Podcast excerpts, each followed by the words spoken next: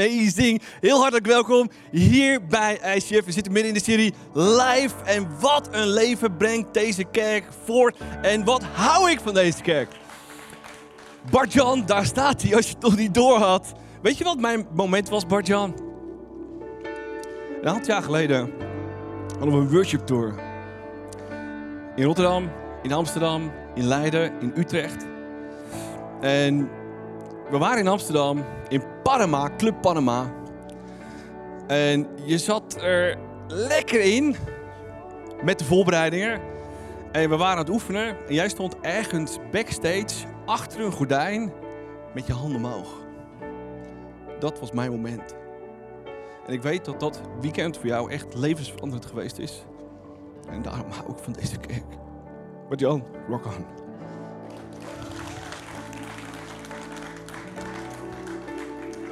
Leven komt niet vanzelf. En daarom komt deze serie ook uit het grond van ons hart. Om te zoeken naar Gods principes. Naar Jezus principes voor het leven. Die ons echt leven in overvloed geven. En wat ik bijzonder vind als we kijken naar het moment van Jezus. Waarin die die bergreden sprak. Matthäus 5. Hij had zijn discipelen en mensen waar hij van hield. Die hem volgden. Die meer van hem wilden weten nam die mee naar een plek. Aan het meer van Galilea. En ik ben daar een aantal jaren geleden geweest met mijn vrienden en volgangers van ICF Tel Aviv, Natasja en Sergej. Hij zei, Arie, je moet naar die plek toe. En we zijn naar die plek geweest. En je staat daar letterlijk op een berg met uitzicht over het meer van Galilea. Links zie je de hoogvlakte van Syrië. En dan denk je, wauw. Jezus wilde niet alleen iets vertellen, maar hij wilde ze ook iets laten voelen. Zo ziet leven in overvloed eruit. Als je doet wat ik zeg. Want mijn vader heeft het leven ontworpen. En dan zegt hij waanzinnige dingen die zo diep gaan. Hij zegt gezegend zijn de mensen die zoeken naar rechtvaardigheid. Daar hebben we vorige week naar gekeken. Volgende week gaan we kijken waarin Jezus zegt: gezegend zijn de vredestichters. Nou, we kennen allemaal vredebewarers, toch? Er zijn die mensen, ja, shh, het moet wel vrede blijven. Maar vredestichters, dat is level up. Vandaag gaan we kijken naar wat het betekent om integer te zijn. En Jezus neemt ons mee om integriteit te ontwikkelen, te genieten van wat Hij daar zegt. Mag ik jullie iets persoonlijks vragen? Hebben jullie wel eens een keer meegemaakt dat iets voor jou gestolen is? Nou, iemand? Ja. Ja, ja, iemand? Ja. Fiets, ja. Thuis iemand? Handen omhoog, ja. Handjes omhoog op de chat als iemand iets gestolen is. Nou, ik denk dat we allemaal wel ergens dat hebben meegemaakt. En dan heb je van nature het, het, het, de reactie dat je extra alert wordt. Ja, had ik nu maar een slot gekocht en dan koop je opeens zo'n enorme ketting. Ken je dat? Ja.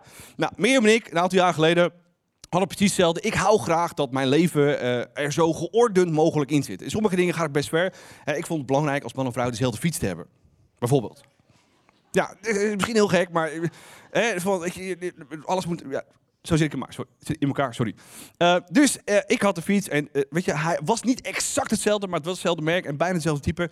Dus het, eigenlijk niemand zag het en in mijn hoofd dacht ik, nou, precies hetzelfde.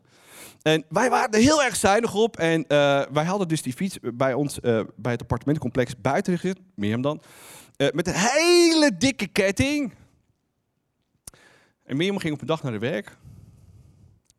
Fiets weg. Erger nog, je zag zelfs een sluiting van die ketting doormidden geknipt nog op de grond liggen. Dat is het enige wat achtergebleven was.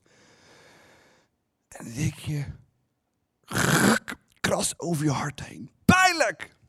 En je wordt dan extra alert. En je gaat een extra dik slot kopen. Je gaat hem niet buiten zetten op slot, maar je zet hem binnen op slot. Kan natuurlijk ook. En misschien heb je ook wel zoiets meegemaakt dat je alles op slot zet. Je gaat misschien wel beveiligingscamera's overal hangen. om alles maar te beveiligen. Die extra dikke sloten, sloten op deuren. Om alles maar te beveiligen. En we doen dat zelfs bij onze kinderen. Extra veilige kinderstoeltjes. Onze jongste, daar hadden we met onze nieuwe auto een nieuw stoeltje voor nodig. Dus ik heb alles uitgezocht op zoek naar het meest veilige stoeltje. En we zijn heel erg geneigd dus om ons leven te beschermen, onze bezittingen te beschermen. Maar wat de Bijbel leert is dat we diepere lagen moeten beschermen. En wat zegt Jezus in de Bijbel? Bescherm je hart boven alles. Boven alles is boven alles. Dus boven je fiets, boven je huis, boven je auto. Allemaal belangrijke dingen. Die moeten ook zeker niet gepikt worden. Maar je hart is alles. Bescherm je hart boven alles.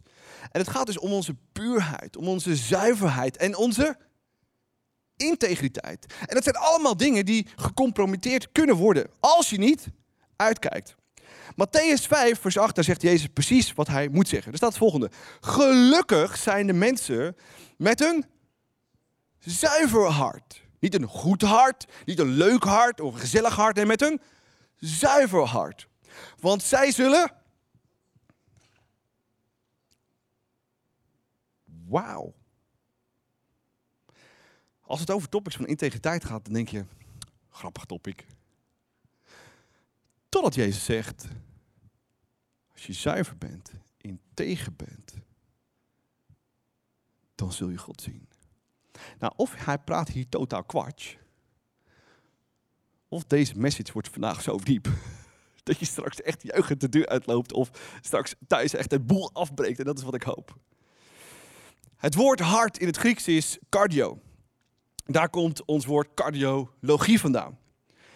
En Jezus zegt dus, gezegend zijn de mensen die een zuiver hart hebben. En wat het probleem van onze wereld tegenwoordig is, dat we vrij snel zeggen, ken je dat, die uitspraak? Ja, maar die heeft echt een goed hart. Ken je die uitspraak? Ja, hij is soms een beetje rommelig, maar hij heeft een goed hart. Of ja, zij is, ja, ze zegt soms iets stoms, maar ze heeft echt een goed hart hoor. En de vraag is of wij als mensen een goed hart hebben. Van nature en als dat wel of niet zo is, wat zou je daarmee moeten doen? Esther, neem ons mee in hoe we een waanzinnig hart kunnen krijgen. Applaus voor Esther. Applaus voor Esther. Zijn jullie er klaar voor? Want we gaan echt wel even pittig uh, de diepte in vandaag, zoals Arie ook al zei. En ik wil eigenlijk beginnen met de eerste gedachte van vandaag. En dat is, zonder Jezus is een zuiver hart überhaupt niet mogelijk. Het begint allemaal bij Hem. En dat is ook waarom we vandaag de message bij Hem beginnen, maar ook afsluiten door middel van het avondmaal. Want we hebben Hem nodig. En we moeten dat echt begrijpen, want zonder Jezus hebben we überhaupt geen idee wat de staat van ons hart is. En zonder Jezus kunnen we daar ook geen stappen in zetten. Dus het begint allemaal bij Jezus, het begint allemaal bij Hem. Maar wat zegt de Bijbel eigenlijk over ons hart? Nou, het is niet mals. Zijn jullie er een beetje klaar voor? Ready. Ook in de chat, helemaal ready? Alright. Wat zegt de Bijbel? In Jeremia staat: Het hart is het meest bedriegelijke ding dat bestaat. Het is door en door slecht. En niemand kan ooit precies weten hoe slecht het is. Behalve ik, de Heer. Ik doorgrond alle harten en ik toets de meest verborgen gedachten. Wauw. Het is confronterend. Het hart is het meest bedriegelijke ding dat er is. En wij maar denken dat we een goed hart hebben. En de Bijbel zegt totaal iets anders. En alleen God kan het doorgronden en begrijpen. En dat is ook precies waarom we Jezus nodig hebben. Alleen Hij kent ons hart. En ons hart lijkt dan misschien wel zo mooi en zo clean. Maar is het het ook echt? De Bijbel zegt van niet. Waarom zegt de Bijbel dit? Waarom, waarom zegt God in dit Bijbelvers letterlijk: Jouw hart is het meest bedriegelijke dat er is? Om jou slecht te laten voelen, om jou nog meer de grond in te laten stampen? Nee, God zegt dit omdat Hij ons kent. Hij heeft ons gemaakt en Hij kent de staat van ons hart. Hij weet precies wat in ons omgaat, welke gedachten we hebben. En Hij wil niets liever dan dat we met Zijn hulp ons hart steeds mooier maken, steeds puurder maken, zodat we nog vrijer kunnen zijn en nog integerder kunnen leven. Waarom? Om Hem alle eer te geven, maar ook om er zelf beter van te worden. Nou, de Bijbel die zegt nog veel meer over ons hart. En in de brief aan Efeze zegt Paulus iets heel diepzinnigs. Hij zei dit over de mensen die niet geloofden of afstand hadden genomen over hun geloof, van hun geloof. Er staat, in hun hart is het helemaal donker. Zij staan ver van het leven van God, omdat zij niets van Hem willen weten en Hem niet willen begrijpen. Het kan hun helemaal niet schelen of iets goed of iets slecht is. Het is donker in hun hart. Ze zien het niet. Ze kunnen geen onderscheid meer maken. En ze weten eigenlijk helemaal niet meer wat puur is en wat niet. En ze hebben het niet eens door, want ze tasten in het duister. Hun begrip is verduisterd.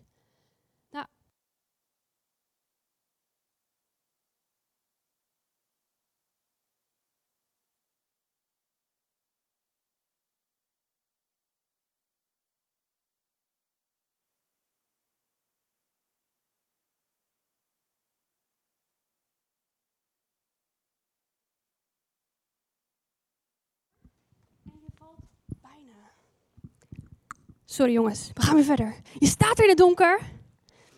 Met je bak popcorn. Je loopt die zaal in. En het donker overvalt je.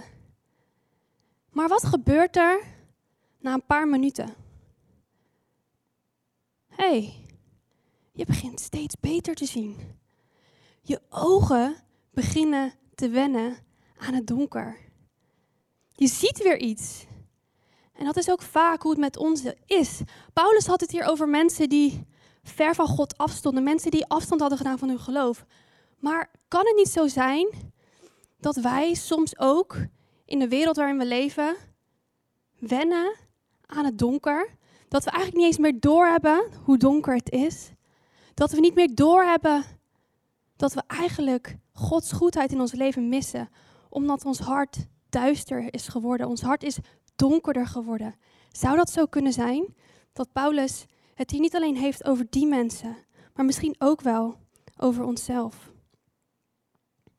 Dan gaat Paulus verder en hij zegt: Ze trekken zich niets aan, ze trekken zich nergens iets van aan en worden voortgedreven door hun slechte gedachten en wilde begeerten. Wauw, hele harde woorden. Maar tegelijkertijd beschrijft dit vers precies hoe heel veel mensen leven.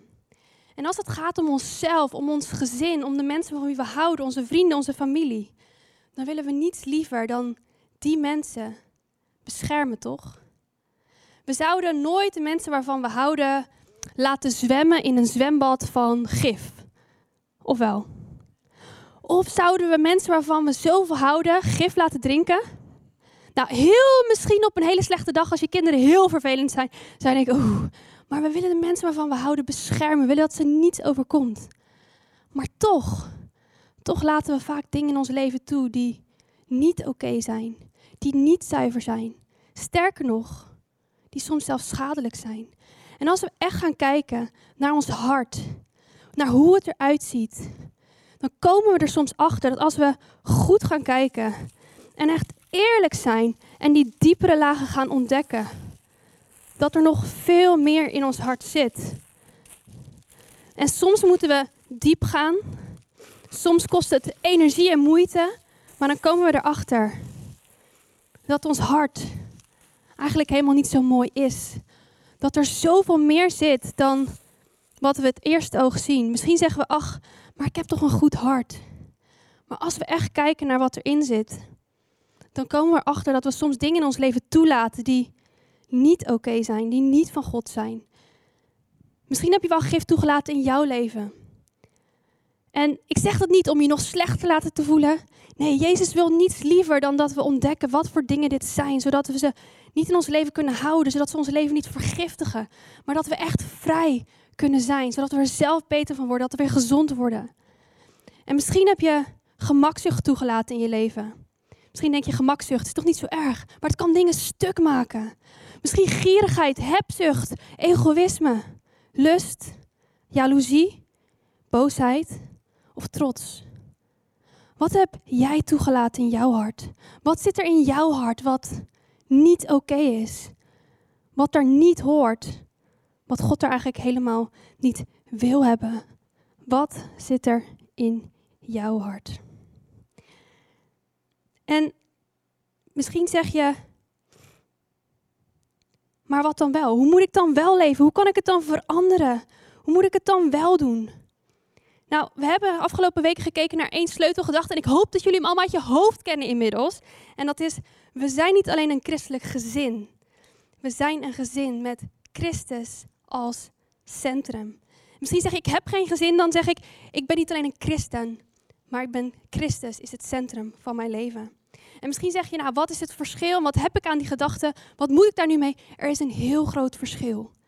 Want er is zo'n groot verschil tussen alleen maar geloven dat er een God is. Zoveel mensen geloven dat er een God is. Maar het ook echt te doen, Hem ook echt het centrum van je leven te maken. Hem de prioriteit te geven dat alles in het leven om Hem draait. Dat is een verschil. En als we Hem het centrum van ons leven maken, Jezus Christus als centrum en Zijn woord als centrum, dan gaat ons leven echt veranderen. Dan gaan er echt dingen veranderen in ons hart. En dat is precies wat we nodig hebben. Dus als we echt gezegend willen zijn, dan moeten we leven naar zijn woord. En dat is precies waar het volgende Bijbelvers om gaat. En dat is een heel tof Bijbelvers. Met een hele toffe vraag. Psalm 119. Hoe kan een jonge man zuiver leven? Nou, dat is een goede vraag om te stellen als jong persoon, überhaupt als persoon om te stellen. Hoe kan ik zuiver leven in deze wereld vol afleiding, vol verleiding? In een wereld die soms misschien wel donker is, duister is, schemerig is. Nou, onze cultuur zou je vertellen, weet je wat? Volg gewoon je hart. Volg je hart. Maar ik kan je vertellen, als we naar de Bijbel kijken, is dat niet het juiste advies. Want heb je wel eens mensen gehoord die zeiden: Ik volgde mijn hart. En vervolgens gingen ze vreemd. Waarom? Ja, die man was zo mooi. Zo aantrekkelijk. Ja, ik, ik volgde toch gewoon mijn hart. Ons hart brengt ons soms op plekken waar we niet willen zijn. En er zijn momenten in ons leven, vaker niet dan wel, waarin we niet moeten luisteren naar ons hart. Je hart is niet de beste raadgever. Wat dan wel? Hoe kan je dan wel zuiver leven? Als we verder lezen, vinden we het juiste antwoord. Dus hoe kan een jongeman zuiver leven? Als hij zich laat leiden door uw woord. Met mijn hele hart wil ik u volgen. Helpt u mij om niet van u af te dwalen. Wauw, wat een mooie uitspraak. Help om mij niet af te dwalen. En ik wil met mijn hele hart u volgen. Dus hoe kan je integer en zuiver leven? Niet door je hart te volgen, maar door je te laten leiden door Gods woord. Door zijn woord, door zijn Bijbel, kunnen we echt integer zijn, echt zuiver zijn. Dus laat voor jouw gezin, jouw familie, jouw small group niet je hart je raadgever zijn, maar zijn woord is jouw gids. En misschien denk je, ja, maar ik heb nog geen gezin, dus het is helemaal prima. Ik kan lekker doen wat ik wil. Ik kan roken wat ik wil, drinken wat ik wil, feesten wat ik wil. En als het dan zover is, dan zorg ik dat alles op orde is. Maar wat je vandaag doet, doet ertoe.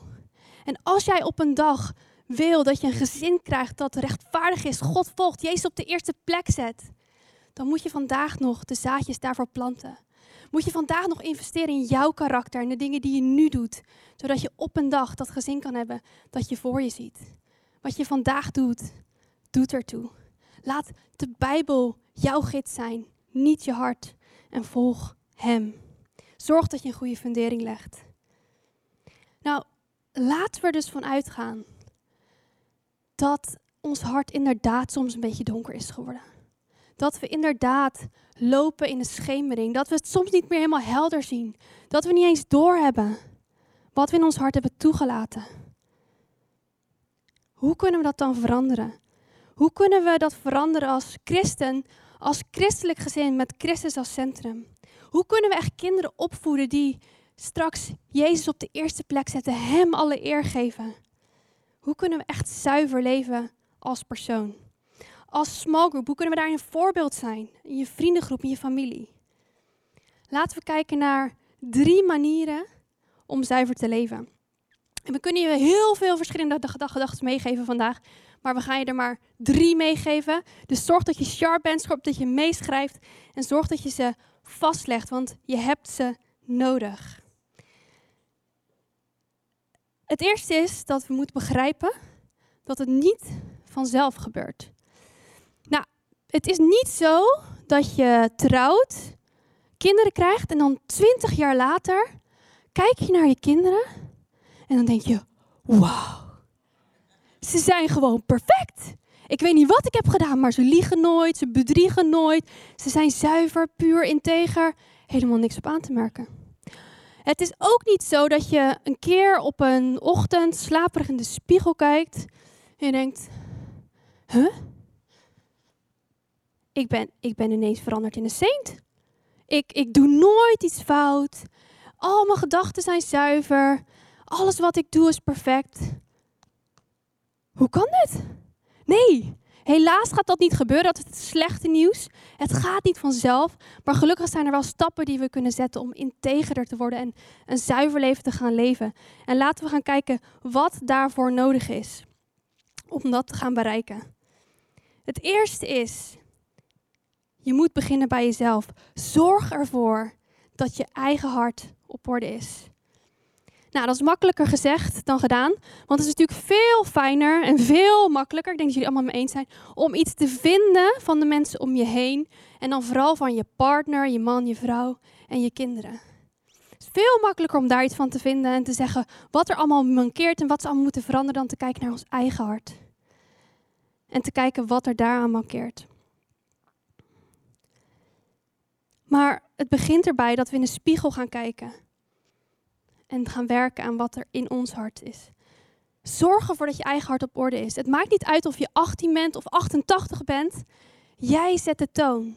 Jij zet de toon in de relaties met de mensen om jou heen. Jij bepaalt het level van integriteit.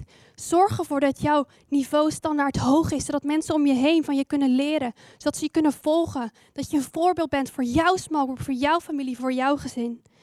Kijk naar je eigen hart. Salomo, volgens de Bijbel de wijste man ooit, dus laten we zeker zijn woorden serieus nemen, zei het volgende. Bescherm je hart boven alles. Want uit je hart komt alles voort wat je doet. Alles. Bescherm je hart. Dus wanneer we kijken naar hoe we ons gedragen, wat we denken, met wie we omgaan, welke gedachten we toelaten, wat we voelen, wat we ervaren, wat we kijken. Hoe weten we dan? Hoe beslissen we dan wat goed is en wat niet goed is? Hoe beslissen we wat we toelaten in ons hart en wat we niet toelaten in ons hart? En heel veel mensen zouden zeggen: ja, laat je leiden door je geweten. Je geweten vertelt je wel of iets fout of goed is. Maar het probleem daarmee is dat de Bijbel ons leert dat ons geweten niet altijd betrouwbaar is. Het heeft het niet altijd bij het juiste eind. Net als ons hart kunnen we onszelf voor de gek houden. We kunnen ons dingen vertellen, onszelf dingen vertellen die echt niet oké zijn of die helemaal niet waar zijn. En we vertellen onszelf dat dingen soms minder erg zijn dan dat ze eigenlijk zijn. En misschien ken je dat wel. Wie van jullie is hier een echte series-fan, net zoals ik? Ja, ik hou echt onwijs van series. Ari houdt veel meer van films, maar ik hou van series. Helemaal erin komen, die mensen helemaal leren kennen, helemaal in een andere wereld komen. En dan heb je zo een paar afleveringen gekeken. En dan negeer je maar even dat er de hele tijd gevloekt wordt. Dat de hoofdpersoon constant vreemd gaat en dat er om de 10 minuten misschien wel een grafische bedscène plaatsvindt. Want je zit er helemaal in en je denkt, ja, maar dat valt mee toch? Ik bedoel, het is een serie, het heeft niks met mij te maken, het is niet persoonlijk, het is gewoon een prima serie. En je gaat met jezelf in onderhandeling, in discussie, dat je denkt, nou, dit, dit valt wel mee. Je vertelt jezelf dat het wel kan.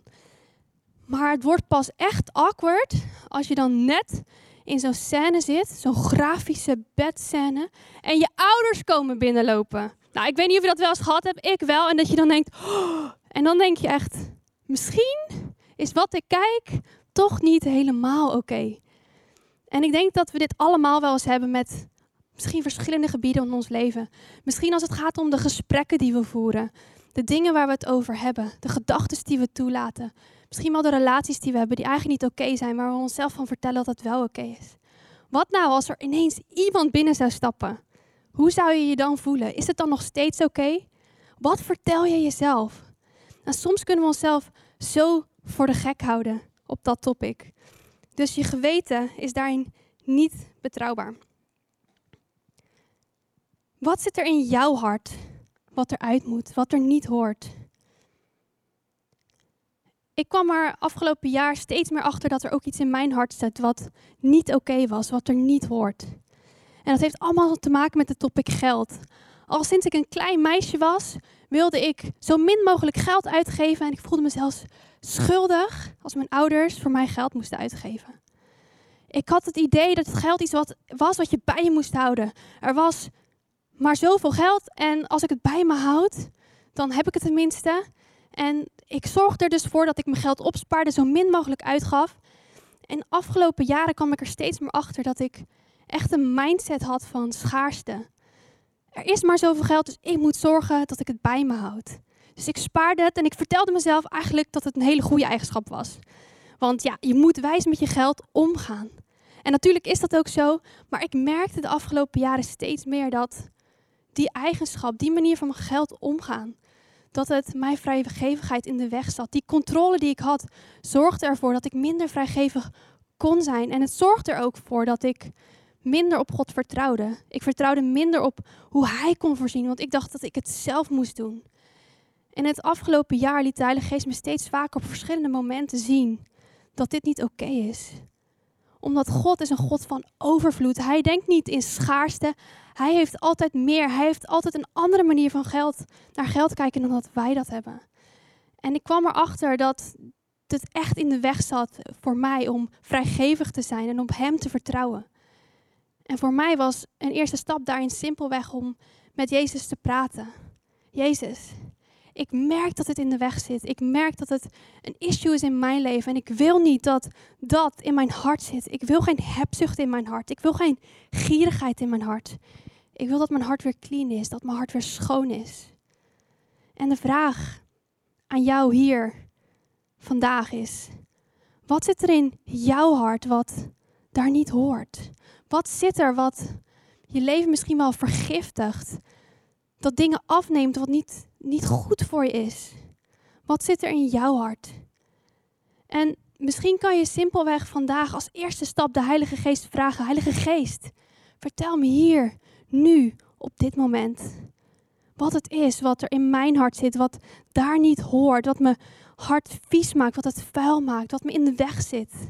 Neem simpelweg vandaag een moment om dat aan de Heilige Geest te vragen.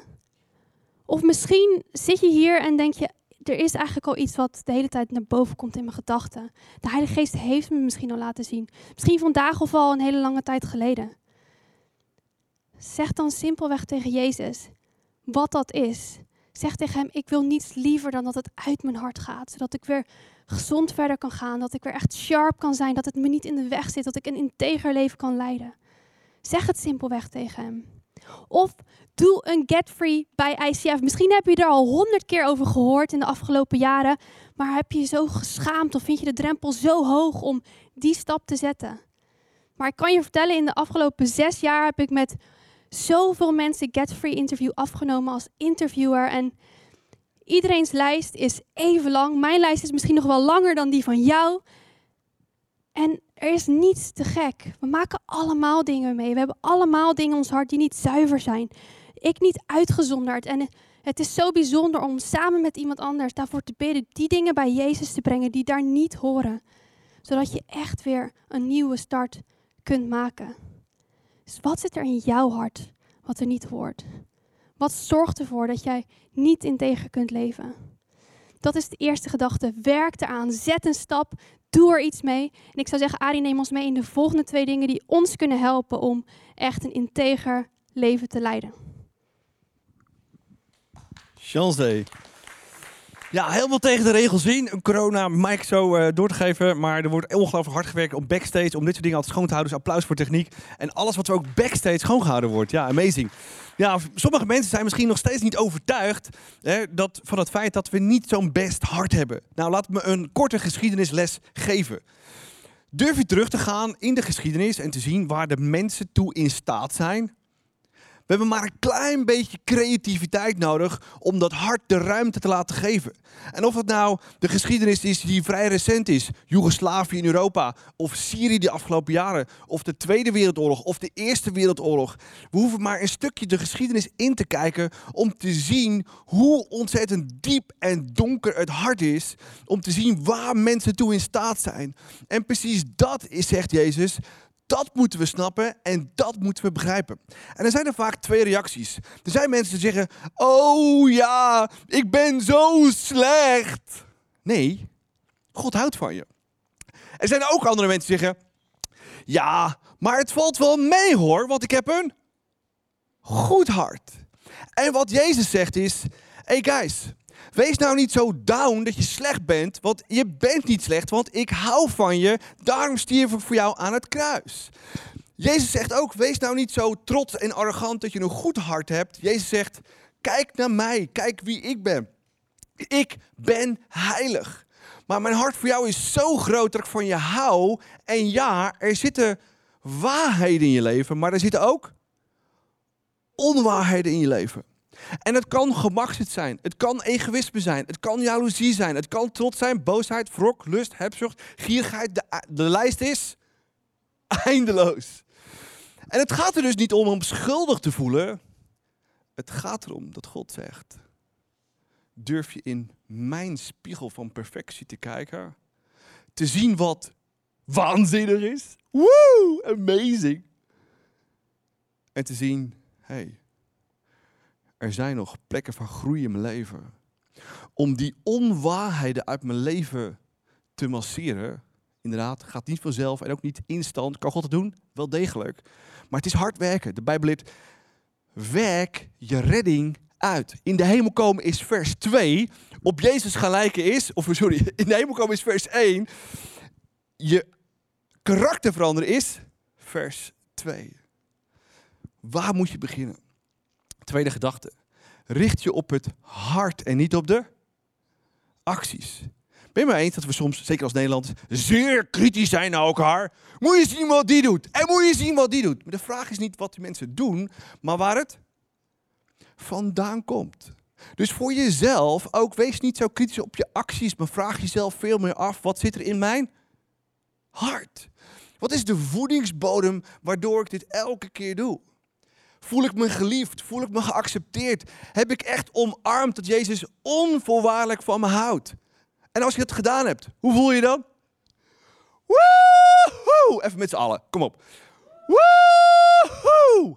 Als je dat niet elke dag kunt zeggen, dan leeft er nog steeds ergens een bepaald perspectief van je. Dat God misschien min over je denkt, dat mensen min over je dat je misschien zelf min over je denkt. Maar God kijkt zo naar jou. Woehoe! Waarom? Omdat als je eenmaal je leven aan hem gegeven hebt, je zegt dank u wel voor het kruis, dan ben je bedekt onder zijn bloed en ben je perfect in zijn ogen. Alleen perfectie hebben we de rest van ons leven voor nodig en zullen we nooit worden, maar we moeten er wel naar streven. Laten we een fantastisch Bijbelvers lezen waarin dat onderstreept wordt. Maar de Heer zei tegen Samuel, ga niet af op zijn voorkomen of op zijn reizige gestalte, misschien een grote vent. Ik heb hem afgewezen het gaat niet om wat de mens ziet, maar de mens kijkt naar het uiterlijk, maar de Heer kijkt naar het hart. Dus wat moeten we doen bij onszelf? Wat moeten we doen bij de mensen om ons heen? Een smallgroep, tien gezin of kids.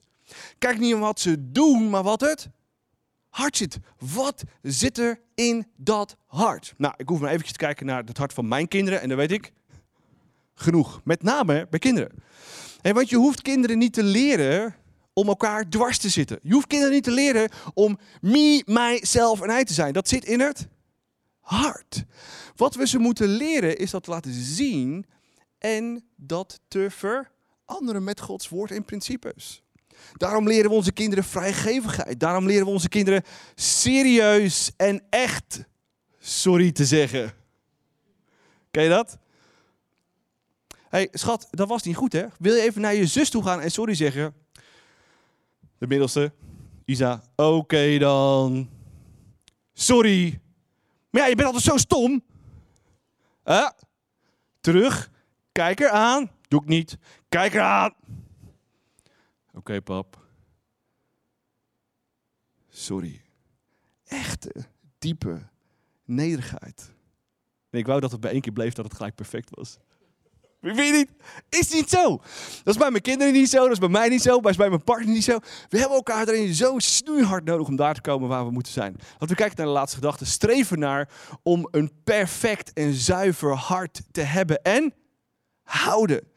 Dat is wat we nodig hebben om een echt een leven te leiden in overvloed. Want dat is precies waarom Jezus deze bergreden gaf. Hij zegt, ik wil je leven in overvloed geven. En sommige dingen als leven zullen we moeten stoppen. En andere zullen we moeten starten en moeten gaan cultiveren. Er staat een waanzinnig vers in Efeziërs. Daar staat het volgende.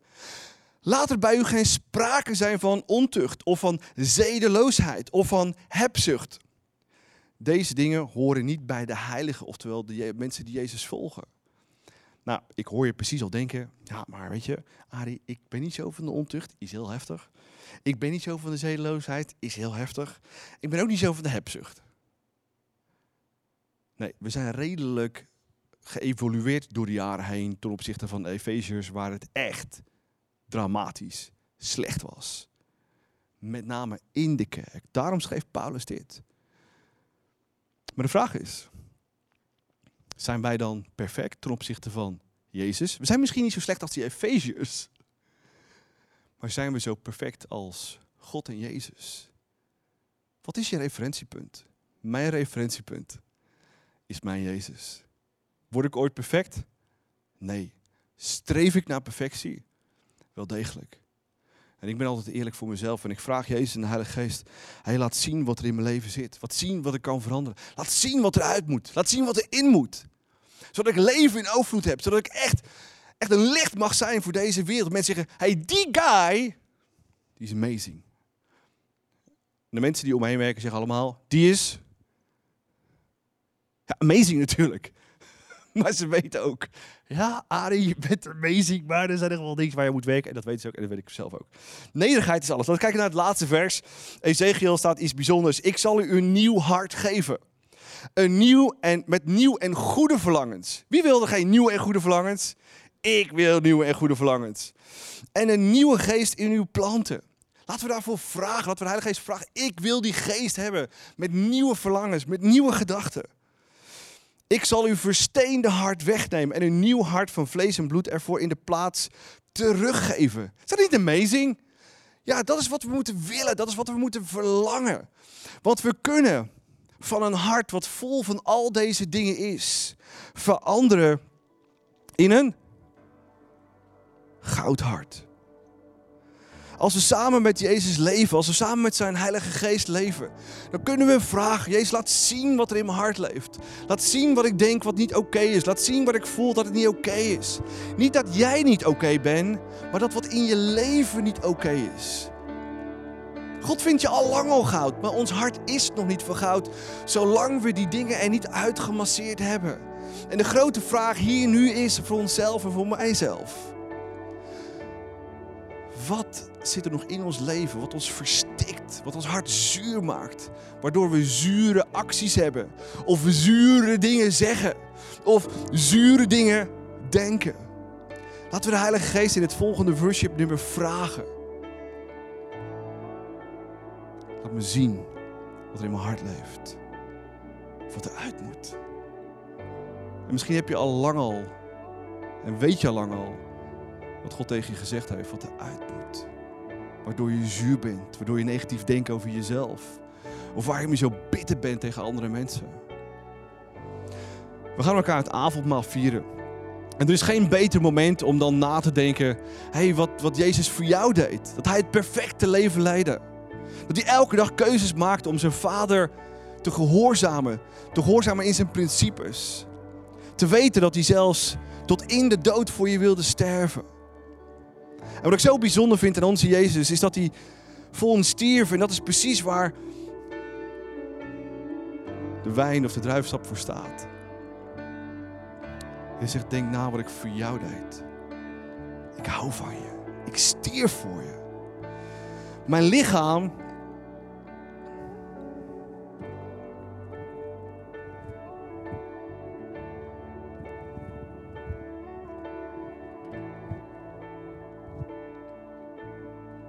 gebroken, geslagen, gemarteld, bespuugd, geslagen, uitgescholden.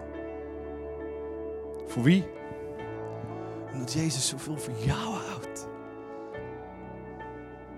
Hij houdt van je. Zo diep in je ziel. En ik hoop dat je hier nu vandaag zijn liefde voelt en proeft.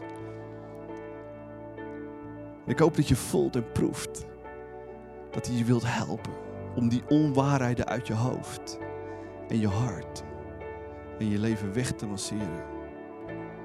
Zodat hij zijn liefde en genade en vrijheid en vrede en rust erin kan masseren. Zodat je vrij bent en vrij blijft om te genieten van het leven wat hij voor je heeft klaarliggen. Zullen we samen worshipen? Gebruik maken van het avondmaal, ligt onder je stoel of bij de mensen thuis. En denk na, hey, wat heeft Jezus me al laten zien? Ben ik dankbaar diep in mijn hart voor wat hij voor mij gedaan heeft. Dat hij stierf voor mij in een kruis, dat zijn lichaam gebroken is. En vraag hem, Jezus laat me zien wat ik kan veranderen in mijn hart. Om nog meer tot leven te komen. Want dat is waar Jezus voor stierf, om je tot leven te brengen. Laten we worshipen. Jezus is onze waymaker. Hij heeft zich een weg geboord naar je hart door te overtuigen. Ik hou van jou onvoorwaardelijk. Onvoorwaardelijk. Amazing, ja applaus. En ik hoop, ondanks misschien alles wat je hebt meegemaakt, wat je jezelf hebt aangedaan of wat anderen je hebben aangedaan, dat je boven alles zijn liefde voelt en ervaart en snapt en het begrijpt en je er kippenvel van krijgt. Dat is echte vrijheid. Misschien zeg je ja, maar er is ergens iets in mijn hart gekropen. Bitterheid of teleurstelling. Een verkeerd zelfbeeld. Misschien heb je nooit echt die praktische stappen gezet. Om zijn liefde te ervaren door hem in je leven uit te nodigen. Jezus, dank u wel voor wie u bent. Dank u wel voor het kruis. Kom in mijn leven. Ik voel en ben vergeven voor altijd.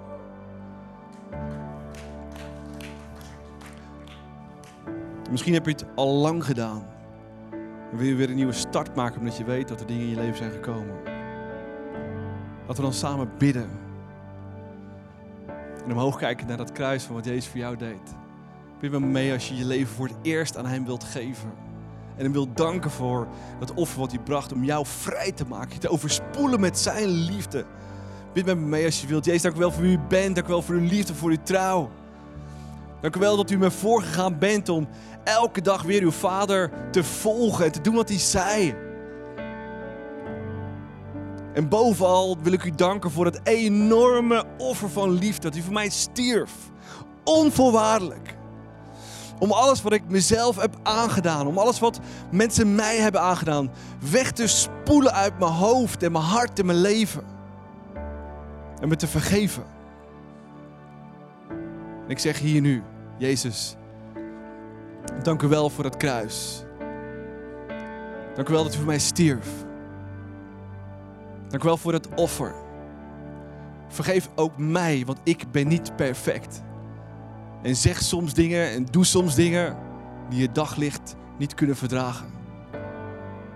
Vergeef me in het diepst van mijn hoofd en mijn hart. Kom in mijn leven. Geef me een nieuwe geest. Een geest van waarheid, een geest van kracht, een geest van liefde, een geest van vrijheid. Om te genieten van dit leven zoals u dat bedoeld heeft. En help me vanaf vandaag die dingen in mijn leven eruit te masseren. Die er niet horen, die het leven uit me vandaan persen. En uw principes voor het leven in mijn leven te brengen. Die leven in overvloed geven. Ik wil een persoon van integriteit zijn. Ik wil dat u op mij kunt bouwen. Dat mensen op mij kunnen bouwen.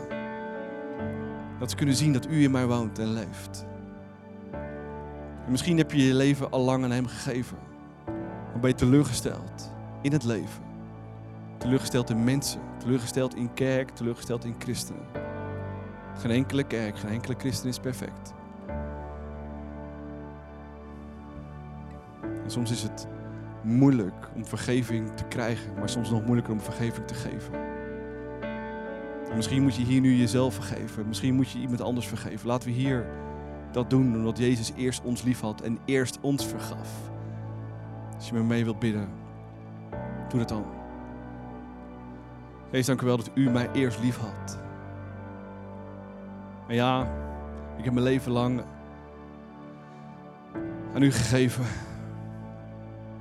En nog steeds stel ik mezelf soms teleur en stel ik u soms teleur.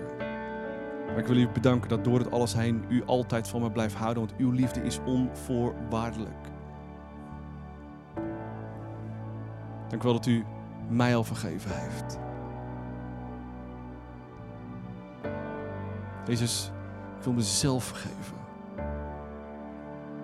Ik wil van mezelf houden als ooit tevoren.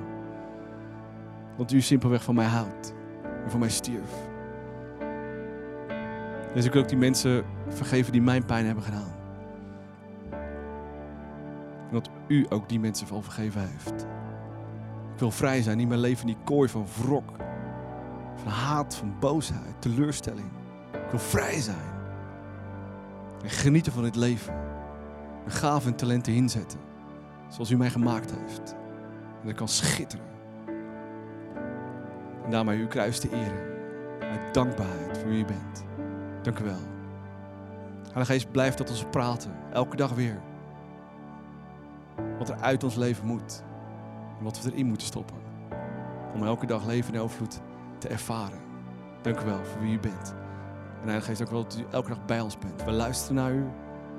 En we doen wat u van ons vraagt. Want u geeft echt leven, richting en wijsheid. Amen. Misschien wil je een statement maken met het volgende nummer van worship. Te zeggen, ja, ik ga hier staan. Ik laat dit achter me. En ik ga dit nieuwe principe van liefde of vergeving. Of vrijgevigheid echt in mijn leven planten. Jezus dankbaar te zijn wat hij voor jou gedaan heeft. Zullen we het samen doen? Dat we hier weggaan, hier of thuis. Dat echt iets veranderd is op deze dag. Dat we integerder worden, meer op hem gaan lijken. Laten we worshipen.